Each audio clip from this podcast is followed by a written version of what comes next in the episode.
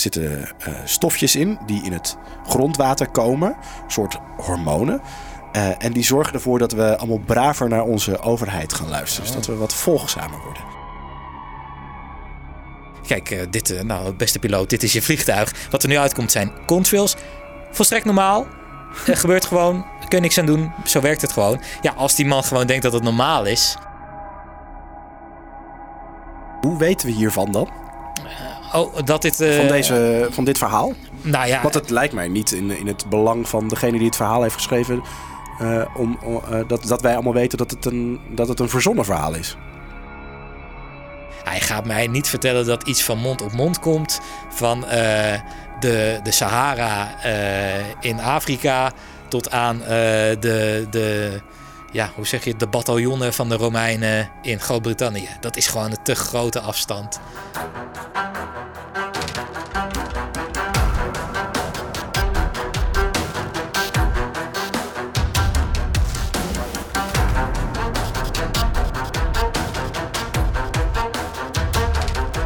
Ehm, ja, welkom bij de Complotcast. Eh, een, eh, een, eh, een podcast over complottheorieën. Gemaakt door mijzelf, Alfred van der Wegen. En, Mijzelf, Rick Segers. om het duidelijk te houden, en wij kennen elkaar al jaren, omdat wij allebei bij de, nou ja, de mainstream media werken eigenlijk. ja, De, nou ja, eigenlijk zijn we niet heel journalistiek, maar wij, wij maken muziekprogramma's op Radio 2 en 3FM. En wij hebben één gedeelde passie. Praten over complottheorieën. praten over complottheorieën. Wat is eh, waar en? Ja, eh, dus ze naast elkaar leggen, eh, dingen eruit halen. waar dit zou nooit waar kunnen zijn daarom. Of dit zijn juist punten waardoor ik misschien zelf wel aan het twijfelen Ja. raak. Gebeurt mij vaker dan jou, valt me op. Ja. Ik ben vaker aan het twijfelen dan jij. Ja. Ik wil, maar ik wil misschien ook te graag... ja. Ja. ik wil gewoon te graag geloven dat, dat dit bizarre verhaal waar kan zijn. Oh ja, dat, is- maar dat, is, dat maakt het juist zo leuk voor ons om daarover te kletsen. En toen dachten we, nou, we moeten maar gewoon een keer achter de microfoon gaan zitten en, eh, en, en daarover gaan kletsen. Vandaar deze eh, eh, podcast, de Complotcast. Ja. Eh, we hebben ook een, eh, een e-mailadres, mocht je willen reageren. Dat is... Pin me er niet op vast. Complotcast.gmail.com Yes. Dus mocht je wat eh, horen of toevoegen, eh, of willen toevoegen, of, of denken van, hey, vergeet deze niet. Dit is ook een mooie eh, eh, eh, complottheorie. Stuur hem maar toe. We vinden het wel leuk om te horen wat je, wat je ervan vindt. Of, of wat, we, wat we nog missen met ons bekrompen, eh, nuchtere brein. Ja, ik ben heel benieuwd. Als er echt iets goeds op binnenkomt of zo. Of je hebt zelf echt een goed verhaal. Misschien dat we in de toekomst dan misschien een keer iemand aan de telefoon kunnen hebben of zo. Bijvoorbeeld, laat ja. het gewoon weten. Stuur Leuk. het even, een klein mailtje. Complotkast.gmail.com En dan eh, hoor je snel van ons. Ja, we gaan in ieder geval beginnen met eh, allebei een theorie die we zelf gevonden hebben. En nou ja, we weten niet van elkaar wat we mee hebben gebracht. En dan gaan we eens even kijken wat er allemaal leeft in de wereld van de complottheorieën.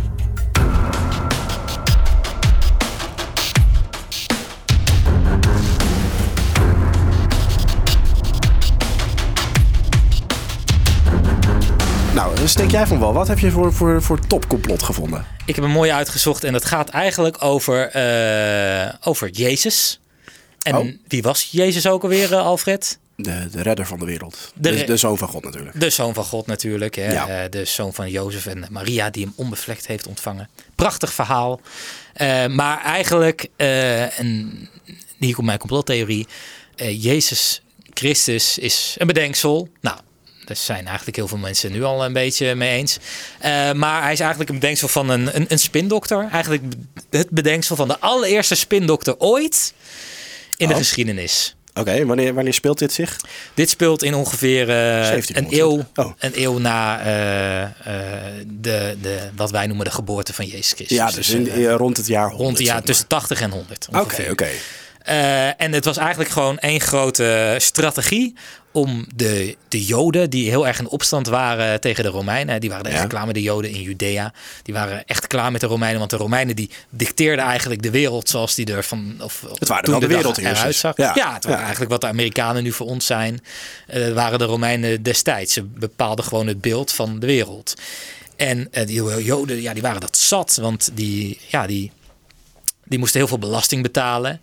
ja, en ja. eh, die hadden er problemen mee dat ze eh, die eh, keizers, de Romeinse keizers, moesten verheerlijken als goden. Want dat was eigenlijk ook een beetje het, de wet in, in... Maar wat is dan de complottheorie? Dat, dat Jezus bedacht is om het volk een beetje eronder te houden ja, of zo? omdat het volk eronder te houden. Dus de Joden die, die, die waren het helemaal zat. En op een gegeven moment dacht een van de Romeinse eh, keizers, eh, Vespasius Flavius, die dacht: hoe ga ik die eh, Joden in toom houden? Want die werden steeds groter, er kwamen met steeds meer getalen, steeds opstandiger en steeds gewelddadiger. Ja. Toen dacht ik: ik moet iets gaan bedenken waardoor ik deze ja, Joden in, in toom kan houden. En hoe ga ik dat doen? En tijdens zijn leven is Vespasius iemand tegengekomen die eigenlijk zou kunnen betitelen tot spindokter. En dat is Josephus. En dat was een, een man die zichzelf profeet noemde, maar eigenlijk gewoon heel leuk vond om verhalen te bedenken en op te schrijven. En hij heeft eigenlijk het verhaal bedacht van een jonge Joodse jongen die eh, eigenlijk ehm, ja, bedoeld was om keizer te worden. Ja, om keizer te worden, de eerste Joodse keizer van het Maar Romeinse en, volk. en waarom zou het Joodse volk dan, als, als ze in een Jezus figuur zouden geloven, niet meer in opstand komen tegen de Romeinen dan? Nou, omdat eh, Jezus was dan iemand uit hun eigen, eh, ja, uit hun eigen contraien. Mhm. Jezus was ook een Jood. En eh, de bedoeling was eigenlijk dat Jezus ooit keizer zou worden van, van de Romeinen ook, maar ook van de Joden. En hij zou Israël heel groot maken. Maar ja, het verhaal van Jezus is toch een beetje dat eh, de Joden hem zelf om zeep hebben dat geholpen. verhaal, dat, dat is dus ook, zeg maar... eh, eh, dat zat er wel bij in dat deze was het verhaal van Josephus. ook. Ja, was het verhaal van Josephus was het verhaal van Jezus Christus die een tragische dood is gestorven te doen. hè, die, die, wat- Is gekruisigd. ja, dat, dat, door, dat door de Joden. in de- ja. En die Joden hebben dat eh, aan zichzelf te danken. En eh, ja, op die manier geloofden de Joden dus ook niet meer echt in die, in die voorspelling. Van dat er ooit een grote Joodse keizer werd. Want ja, die was er al, maar die hebben ze zelf Die zeep geholpen. En naast dat ze dus eigenlijk met zichzelf in de knoop zaten op dat moment, eh, waren er ook nog heel veel andere volken naast de Romeinen die ook zoiets hadden van, nou, die eh, Joden die hebben gewoon de zoon van God afgemaakt. Krijg nou wat. Dus iedereen begon zich te keren tegen, tegen de Joden. Ja, oké. En- Waardoor, waardoor je nu de huidige... Waardoor de Joden, eh, ja, ja ook eh, het antisemitisme, tegen- ja. dat komt eigenlijk ook een beetje daar vandaan. Oh, nee, een beetje, ik durf wel te zeggen, dat komt dan grotendeels daar vandaan als die complottheorie klopt. En eh, omdat iedereen zich tegen de Joden keerde, durfden de Joden eigenlijk ook niet meer. Want die dachten, ja, we kunnen nu de Romeinen aanvallen. Maar als we nu de Romeinen aanvallen, dan worden we achterlangs worden we ineens genaaid door die andere gasten. Ja, dat moeten we niet doen. Oké. Dus, En- maar en- maar hoe, hoe, hoe weten we hiervan dan? Oh, dat dit... eh, Van, deze, van dit verhaal? Nou ja, Want het lijkt mij niet in, in het belang van degene die het verhaal heeft geschreven... eh, om, eh, dat, dat wij allemaal weten dat het, een, dat het een verzonnen verhaal is. ja, maar het werd ook niet gebracht als een verzonnen verhaal. Nee, nee, precies. Maar hoe weet jij dit nu? Dat dit, dat dit, dat Ja. dit verhaal bestond. Nou, nee, ja. dat, dat, het, dat het dus door een spindokter gemaakt is. Oh, door een spindokter. Nou, omdat hij daarnaast ook zelf boeken schreef over eh, zijn grote vriend eh, Vespasias, die hem eigenlijk ooit had opgepakt. Ja. Vespasias Flavius, de keizer die na Nero eh, eigenlijk de keizer werd. Ja. Ja, en hij heeft ook boeken geschreven eh, over eh, de, de veldslagen van Vespasias. En daarin verheerlijkt hij Vespasias. En de schrijfstijl en de methode die hij gebruikt in die boeken, die komt volgens specialisten. eh, ik kan geen namen noemen, want ik heb geen namen voorbereid. Maar door specialisten komen die schrijfstijlen komen heel erg overheen met elkaar. En veldslagen werden destijds, dat is misschien ook wel goed om te melden, die werden gebracht als goed nieuws. En een antwoord voor goed nieuws is evangelisch. Dus het waren eigenlijk de, de eh, evangelie van eh Vespasias. Ja. En nou ja, dat, dat, dat zijn allemaal raakpunten die overeenkomen. En ja, hij heeft dat dus, eh, die dingen ook een beetje bedacht of aangedikt. waar gebeurde verhalen aangedikt. En hij heeft waarschijnlijk die boeken over dat Joodse figuur heeft hij ook aangedikt. Want dat was een verhaal wat hij zelf maar al te graag aan zijn Joodse vrienden destijds had verteld. Zodat die Joodse vriend dacht van wauw, hij is echt een profeet. Dit is echt een compleet nieuwe eh, complottheorie voor mij. Ja, ja het is, als, je, als je dit gaat googlen, dan eh, kom je volgens mij eh, ook wel wat documentaires tegen. Die allemaal ook wel dit verhaal kennen en allemaal wel een beetje hun eigen route nemen daarin. Maar uiteindelijk komt het er hier wel een beetje op neer. Dus zeg maar wel de onderliggende gedachte daarachter. Oké. Dus eigenlijk de allereerste spindokter ooit. Die heeft Jezus Christus bedacht. Niet als redding van de Joden. Maar om de Joden een beetje in toom te houden en te zorgen dat ze ja, een beetje een mak volkje werden. Oké. En eh, eventjes eh, eh, om, onze weegschaal op te maken. Is dit iets wat jij geloofwaardig vindt of is dit, dit een echte complottheorie? Ja, god, ja, ja, je weet het niet. Weet je, het kan een, een verhaal zijn wat, wat klopt. En dat het uiteindelijk is opgepakt. En wat volgens mij ook gebeurd is door een andere schrijver. ja. En opgeklopt. En meerdere malen. Eh, want er, is, er, schrijft nog een andere, er schijnt nog een andere schrijver te zijn in eh, Egypte. Die heette Philo Alexandria. Die heeft allemaal aspecten van andere religies samengevoegd in andere verhalen over Jezus Christus. Hij schreef over Jezus Christus die kon lopen op het water. En Jezus Christus die water in wijn veranderde. Ja, dus het, het zou kunnen zijn dat dit bedacht is en dat dit een eigen leven is gaan leiden en op die manier echt heel groot is geworden. Omdat de Romeinen natuurlijk dachten van nou, eh, eh, zorg maar dat zoveel mogelijk mensen dit verhaal kennen. Eh, en dit komt eigenlijk ons wel heel goed uit, want dan houden we die Joden een beetje in toom. Mak. Dus die hebben het ook een beetje gestimuleerd. Ja, dat zou, het zou best wel kunnen. Ja. Maar ja, dan moet je wel een meesterbrein zijn geweest om dit Nou, allemaal. wel zeker wat- in die tijd, hè? Want er was geen eh, drukpers. De helft van de mensen kon niet schrijven, laat staan lezen. Ja, Dus het moet allemaal mond op mond zijn gegaan. ja. En ja, weet je, eh, eh, ook eh, in het, in het hele Romeinse Rijk zouden ze dit verhaal dus overal moeten kennen. Hij gaat mij niet vertellen dat iets van mond op mond komt van eh, de, de Sahara eh, in Afrika tot aan eh, de, de, ja, hoe zeg je, de bataljonnen van de Romeinen in Groot-Brittannië. Dat is gewoon een te grote afstand. Dat, het kan Ja. eigenlijk niet. Dat zou eigenlijk niet kunnen. Oké, duidelijk. Ik, vond, ik vind het ook een beetje een, eh, een longshot, maar eh, wel een, een geinige theorie. Ja, het is wel ik, ik had, ik, had hem nog interessant, nooit, eh, ik was hem nog nooit tegengekomen. De Dus allereerste echt, spindokter, ja. De allereerste spindokter. Dat vind ik wel een leuk. Want dat, het zou best kunnen dat destijds wel sprake was van de allereerste spindokter. Die allerlei nieuwsberichten Ja. naar zijn hand probeerde te zetten. Ja, Interessant. eigenlijk, eigenlijk is Jezus Christus, de Bijbel, is fake nieuws. eigenlijk. Volgens deze theorie. Volgens deze, volgens deze theorie, sorry mensen die eh, uit eh, in de Bijbelbelt aan het luisteren zijn.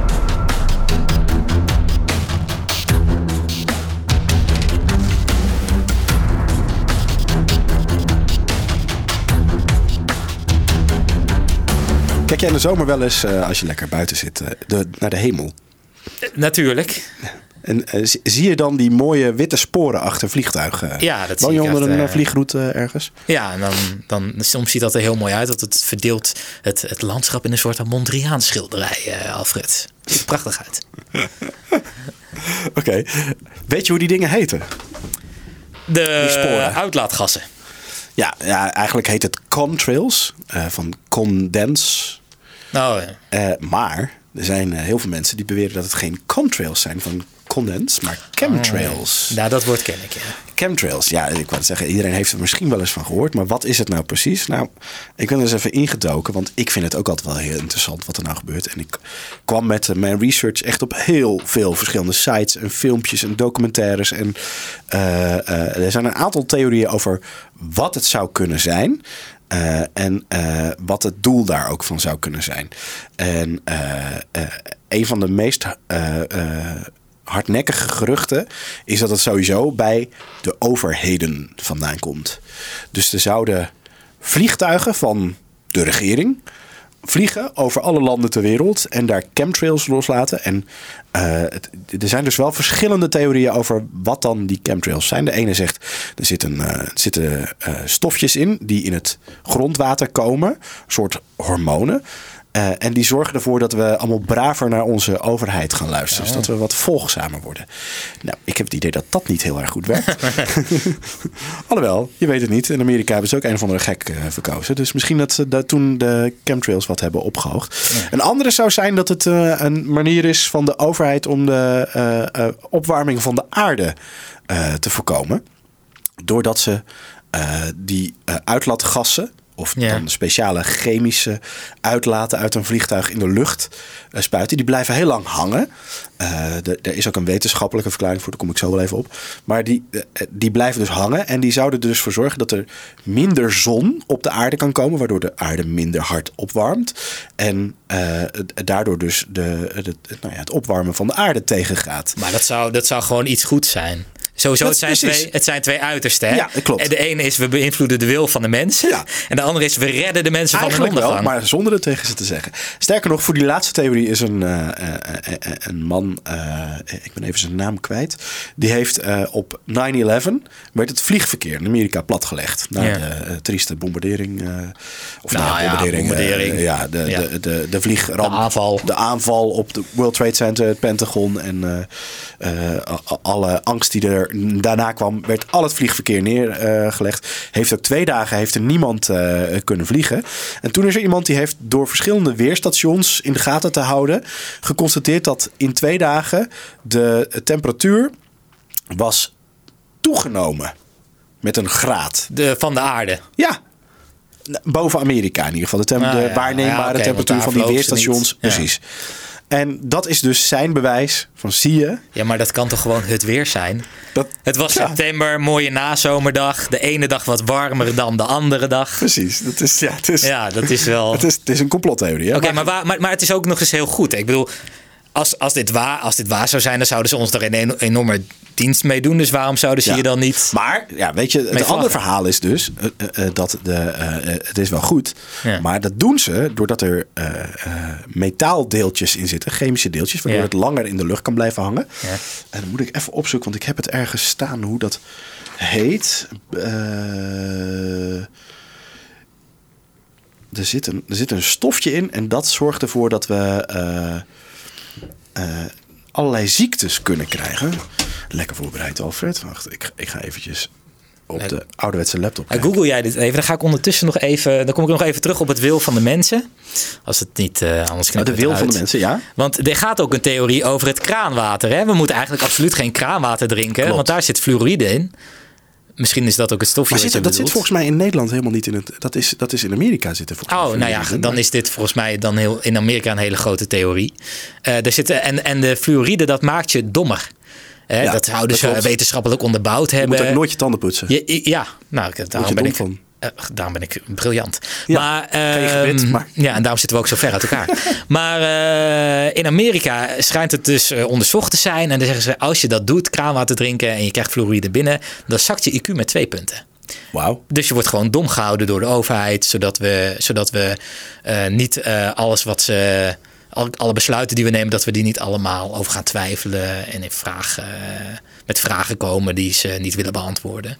Dus dat is ook eh, misschien, ja. Oké, ja, ik ben ondertussen achter het stofje Oh, top, gekomen. gelukkig, want ik was. Barium heet het. Het zou, eh, Oh. het zou je spieren verzwakken, inclusief ook je, ook je hart. En eh, ze zeggen van, nou ja, je krijgt ademhalingsproblemen van allergieën, allerlei ontstekingen, voorhoofdholte, eh, droge hoest, eh, keelpijn, migraine, zeg maar alles wat ik nu heb. Ja, Eh, je hebt even bij een vliegveld gestaan, denk ik.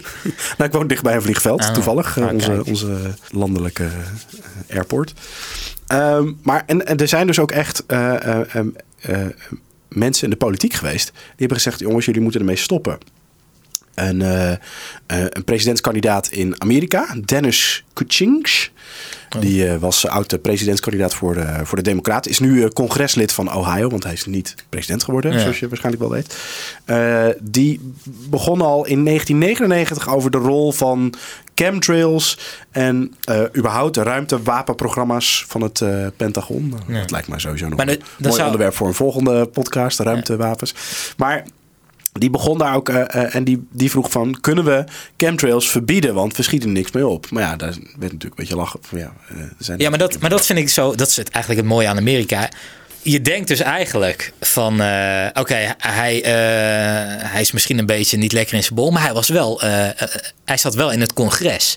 Dus hij moet wel, Ja. het is, moet wel een slimme vent zijn. Maar inmiddels weten we in Amerika dat het echt niet uitmaakt hoe slim je bent. Je kunt toch wel op bepaalde plaatsen Iedereen denkt nu dat wij sowieso ook een complot tegen, tegen Trump aan het maken zijn natuurlijk. Maar eh, ja, nou ja, goed, we Nou kunnen wel ja. concluderen dat dat wel echt een...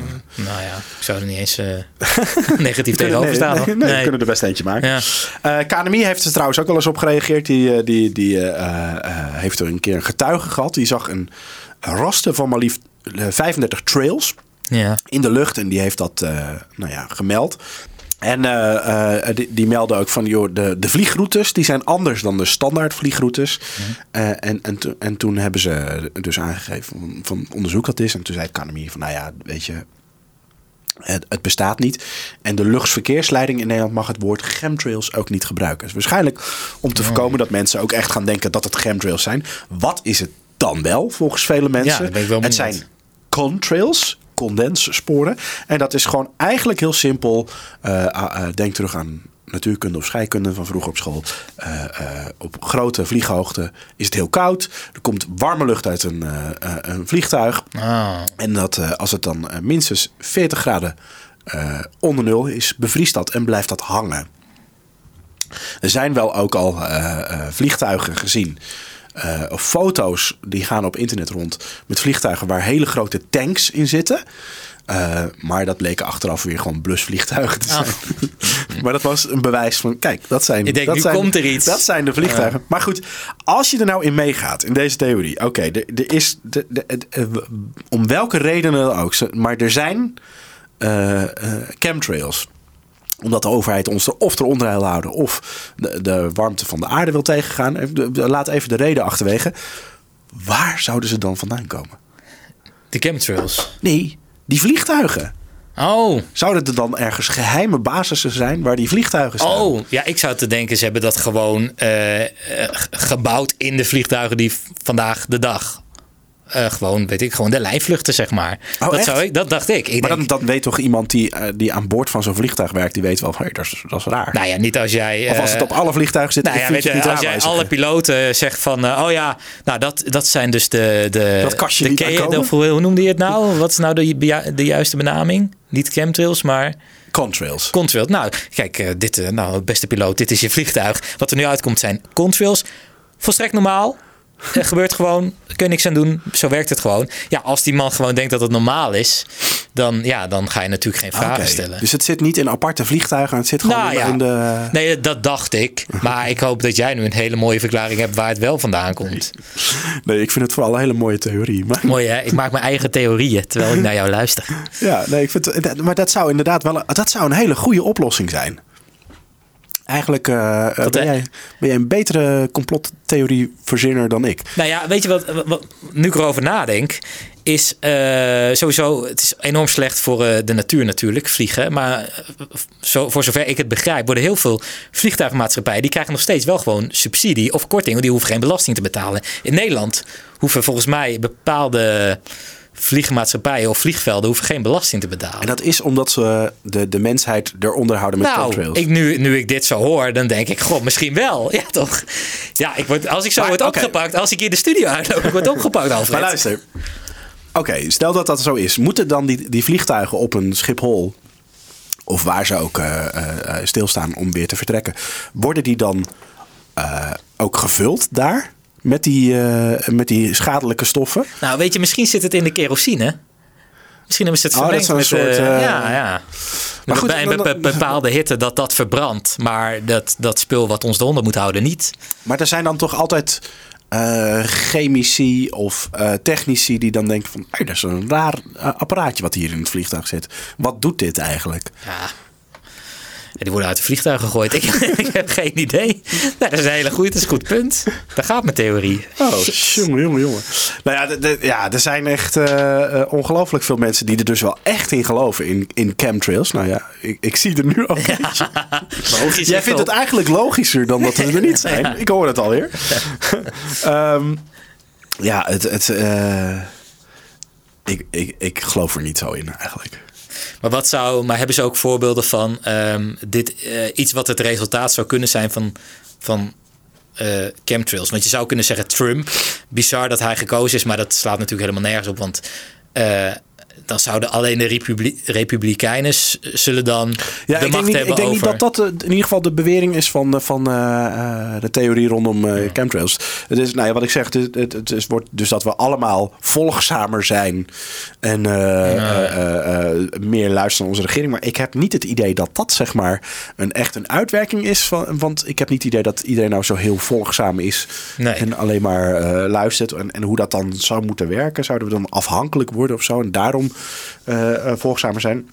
Die andere theorie vind ik op zich nog wel ehm, nou, leuk bedacht. In ieder geval. De, eh, de, de, sporen in de, in de lucht. En dat Ja. zou dan. eh, Eigenlijk de ozonlaag aanvullen.